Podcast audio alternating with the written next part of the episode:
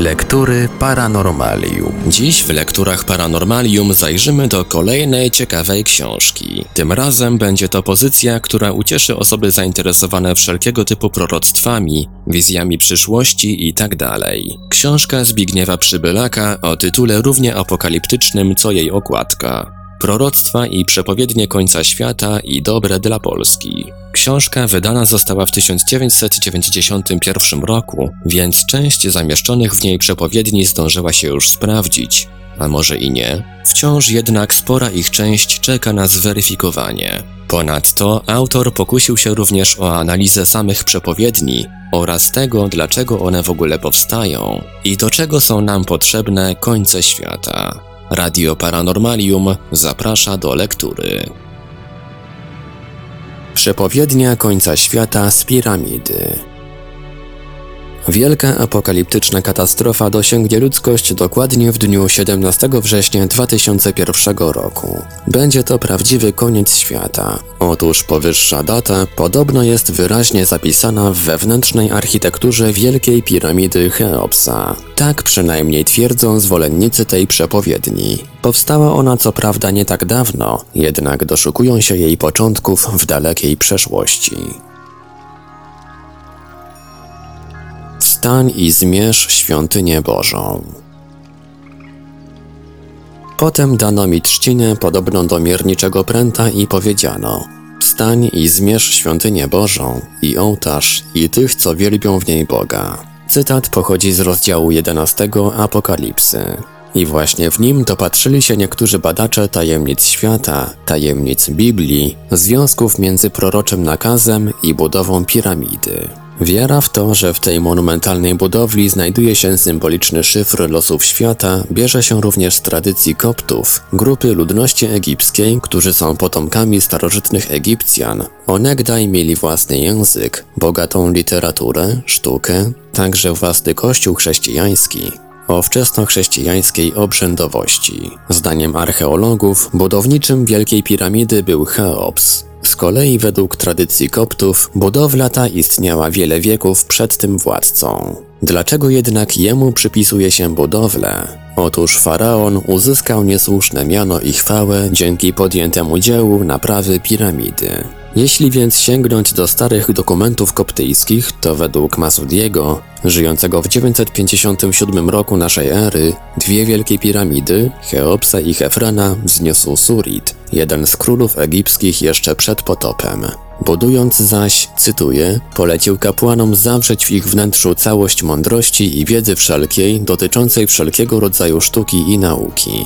W tym samym okresie napisy zawierają wiadomości z dziedziny arytmetyki i geometrii, podane jako świadectwo dla dobra tych, którzy zdołają je zrozumieć. W piramidzie wschodniej, Cheopsa, są zawarte wiadomości o niebieskim sklepieniu i wyobrażenia gwiazd i planet. Król polecił umieścić również określenie położenia gwiazd i ich cyklów, równocześnie jednak historię i kronikę czasów przyszłych, które przyjdą, notując każde zdarzenie odnoszące się do przyszłych losów, które oczekują Egipt.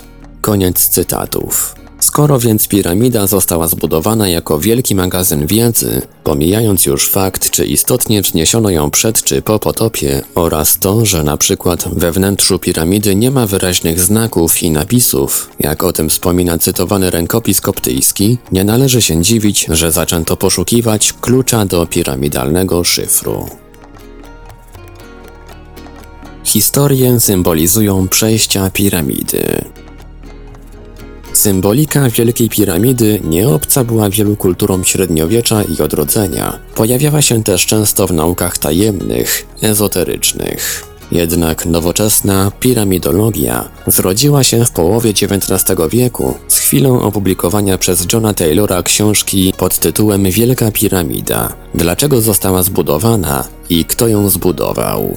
W tej publikacji autor sugerował, że budowniczym piramidy mógł być biblijny Noe, a także przytaczał wiele boskich jednostek miar, różnych matematycznych mądrości, m.in. liczbę pi związaną z budowlą.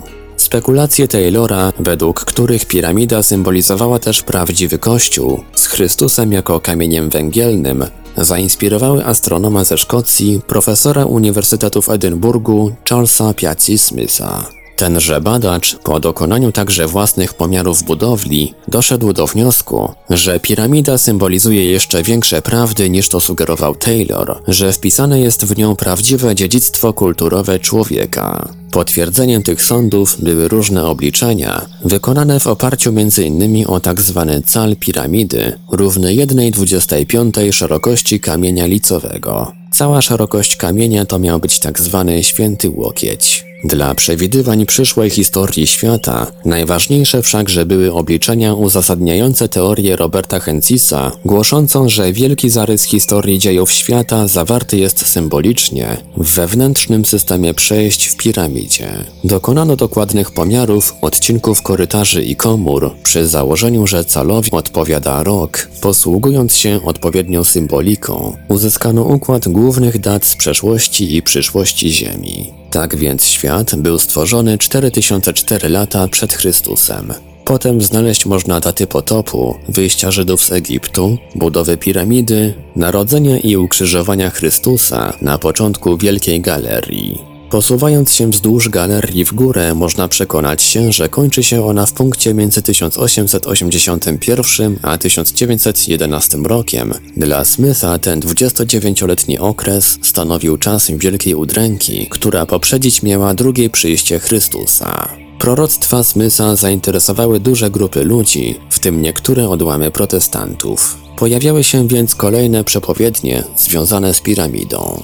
Jerry Garnier w 1905 roku dowodził, że Chrystus przyjdzie na Ziemię w 1920 roku. Sławny Charles Taze Russell, ideowy pierwowzór m.in. świadków Jehowy, uznawał, że Biblia, jak i piramida jasno podają, że drugie przyjście Chrystusa nastąpiło niezauważalnie w 1874 roku. Najnowsze proroctwa z Biblii w kamieniu. Ostateczna próba ludów anglosaskich miała się zacząć w 1928 roku i trwać do 1936 roku. Od 16 września 1936 roku do 20 sierpnia 1953 roku Anglosasi, czyli prawdziwy lud Izraela, zostaną zebrani razem i otrzymają opiekę boską przeciw koalicji sił światowych pragnących ich zniszczyć.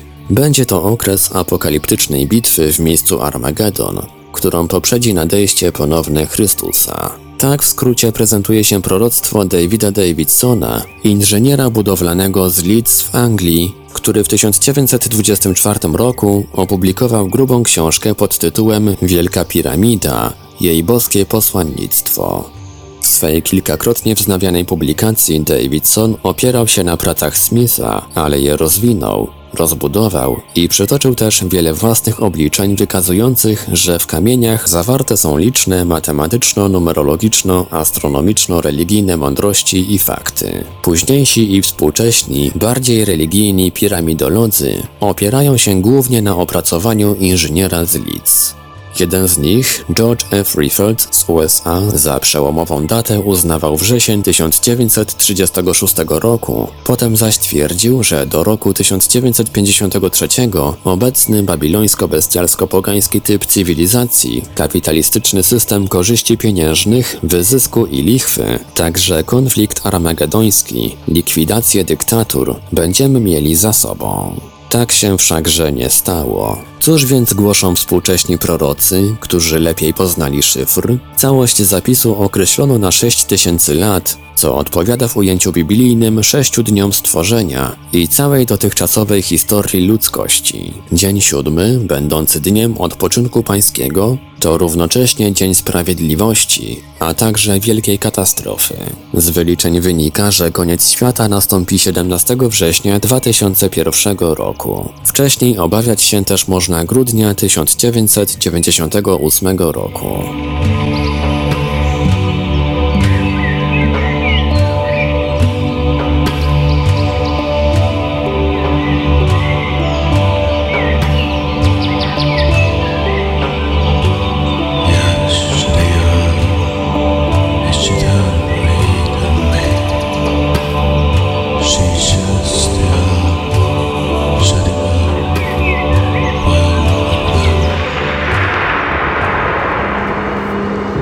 Lektury Paranormalium.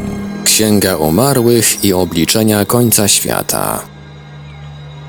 Oprócz proroctw nurtu biblijno-religijnego pojawiły się w ostatnich dziesiątkach lat też liczne przepowiednie wykorzystujące symbolizm matematyczno-astrologiczno-okultystyczny. Między innymi teozofowie wyznawali, że z piramidą związane były misteria, że wiele tajemnic można odkryć dopiero studiując równocześnie egipską księgę umarłych i architekturę budowli. Wydaje się, że niektóre ze współczesnych proroctw powstały w oparciu o obydwa wspomniane pierwotne nurty. Dokonując więc pomiarów korytarzy calami piramidalnymi i przyjmując, że ta miara odpowiada rokowi oraz że podział cala na 365 części odpowiada dniom w roku, można dokonać historycznych i przyszłych obliczeń. A oto taka szczegółowa chronologia według de Valois. Przyjmuje się, że wejście do piramidy symbolizuje czas, w którym Egipcjanie wynaleźli kalendarz. Na przedłużeniu linii nieistniejącej dziś powierzchni piramidy oraz linii kierunku Wielkiej Galerii znajduje się pod powierzchnią punkt określany jako data zerowa. Od tego momentu liczy się wszystkie dane chronologicznie.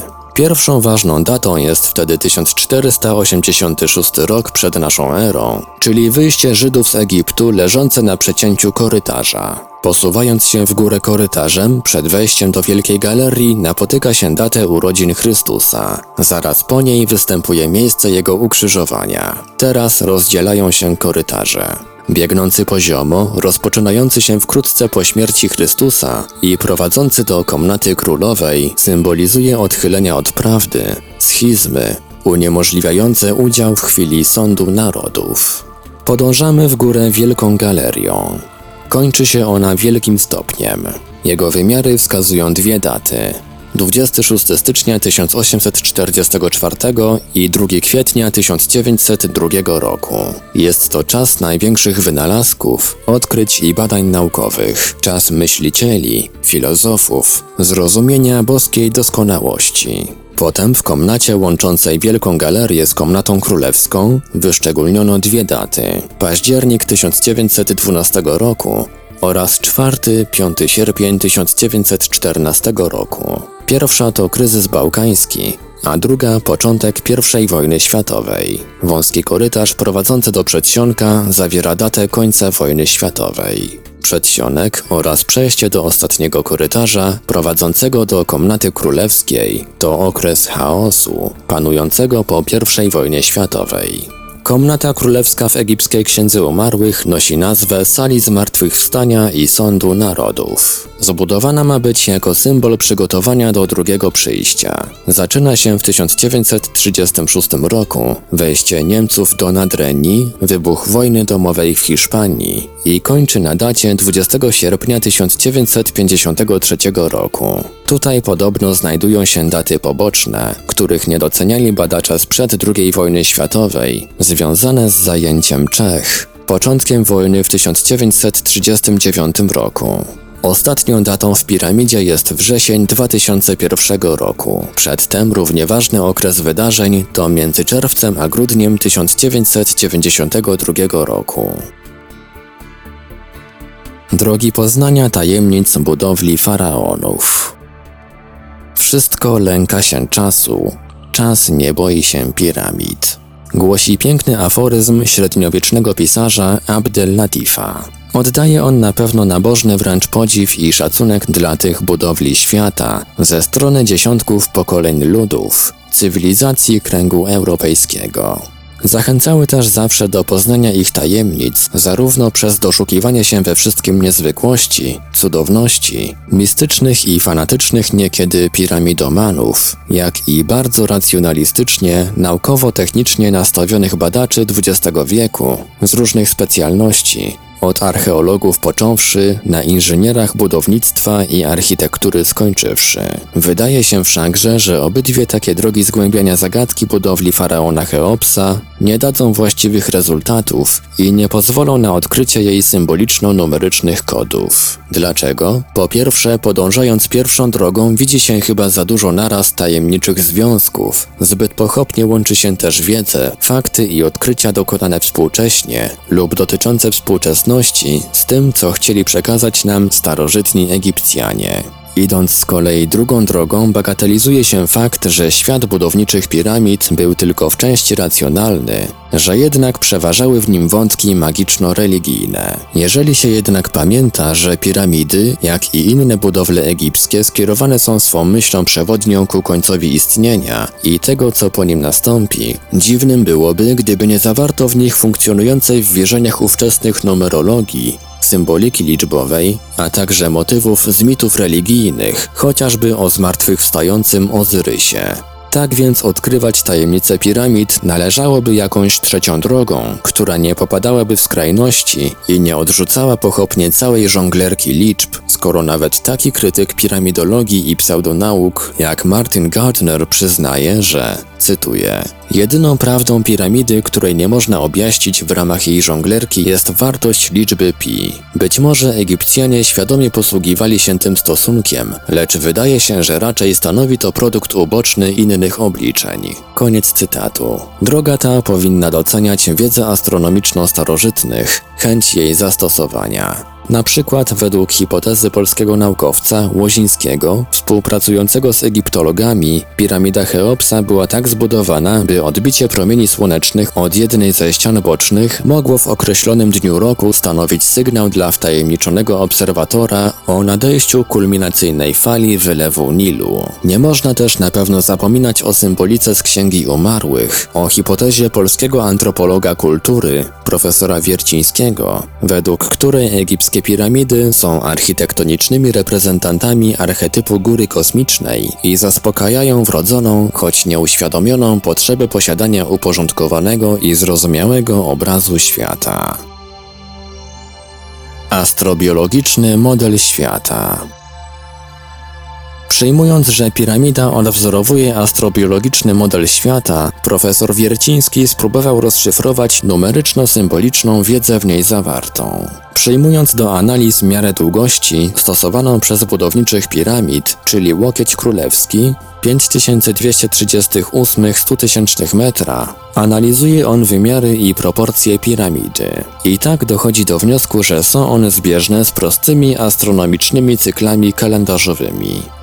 Na przykład miesiącowi gwiezdnemu, liczącemu w przybliżeniu 28 dni, odpowiada łokieć dzielący się na 28 palców. Liczbę tę znaleźć można też w wysokości piramidy, która odpowiada 280 łokciom. Pewne proporcje i wymiary związane są z rocznymi cyklami ciał niebieskich, Marsem, Wenus, Saturnem i Słońcem, które z kolei według wierzeń egipskich były przyporządkowane bogom Ozyrysowi, Setowi, Horusowi i Ra. Jeżeli uwzględni się odwieczną mądrość magów, wtajemniczonych, ale też wyznawaną przez Rzeszę Starożytnych do czasów nam bliskich, a przypisywaną staroegipskiemu bogowi Tot, bóstwu księżycowemu, uważanemu za patrona wielkiej magii, nazywanego przez Greków Hermesem Trismegistosem, że to samo znajduje się na górze i na dole, to wtedy bardzo pouczające są rozważania Jana Grzędzielskiego nad energetyczno-geometrycznym kodem przyrody. Otóż według tego badacza w Wielkiej Piramidzie ważne jest nie przybliżenie Archimedesa na pi, lecz przybliżenie złotej proporcji 220 przez 356 i 9 setnych. Jest to stosunek połowy boku podstawy do wysokości ściany bocznej w łokciach egipskich królewskich. Grzędzielski uważa też, że proporcje piramidy były projektowane świadomie, o czym dotychczas archeolodzy nie mówili. Przytacza też różne obliczenia i porównania wskazujące, że wymiary zawarte w piramidzie, podstawowe jednostki miar, których się tam można doszukać, między innymi wynikają ze znajomości złotych proporcji, którymi powszechnie posługuje się przyroda, że takie proporcje jak w piramidzie Cheopsa spotkać można też w strukturze cząsteczki kodu genetycznego, podstawowych węglowodorów, pewnych układów planetarnych, mających jak się wydaje znaczny wpływ na procesy życiowe. Skoro zaś złota proporcja jest podstawową proporcją przyrody, lub chociażby tylko jedną z podstawowych, to powinna być zawarta w mechanice i w geometrii ciał niebieskich naszego układu słonecznego. Przy takim założeniu Wielka Piramida Egipska mogłaby być wykorzystywana do nawet dość precyzyjnych pomiarów astronomicznych. Nie wnikając w szczegóły, autor hipotezy przytacza wiele obliczeń i związków, między innymi powołując się na. Tak teorię Mołczanowa-rezonansowa rezonansowej struktury Układu Słonecznego, według której planety pozostają w prostych proporcjach rezonansowych, lecz nie jednak w idealnym rezonansie, bo wtedy układ by się rozpadł,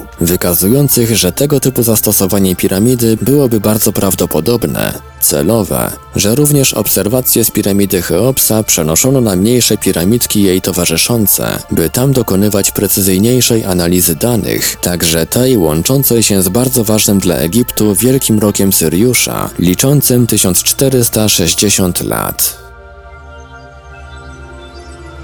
Był to fragment książki Zbigniewa Przybylaka, Proroctwa i przepowiednie końca świata i dobre dla Polski. Dalszy ciąg w kolejnym odcinku Lektur Paranormalium. Lektury Paranormalium.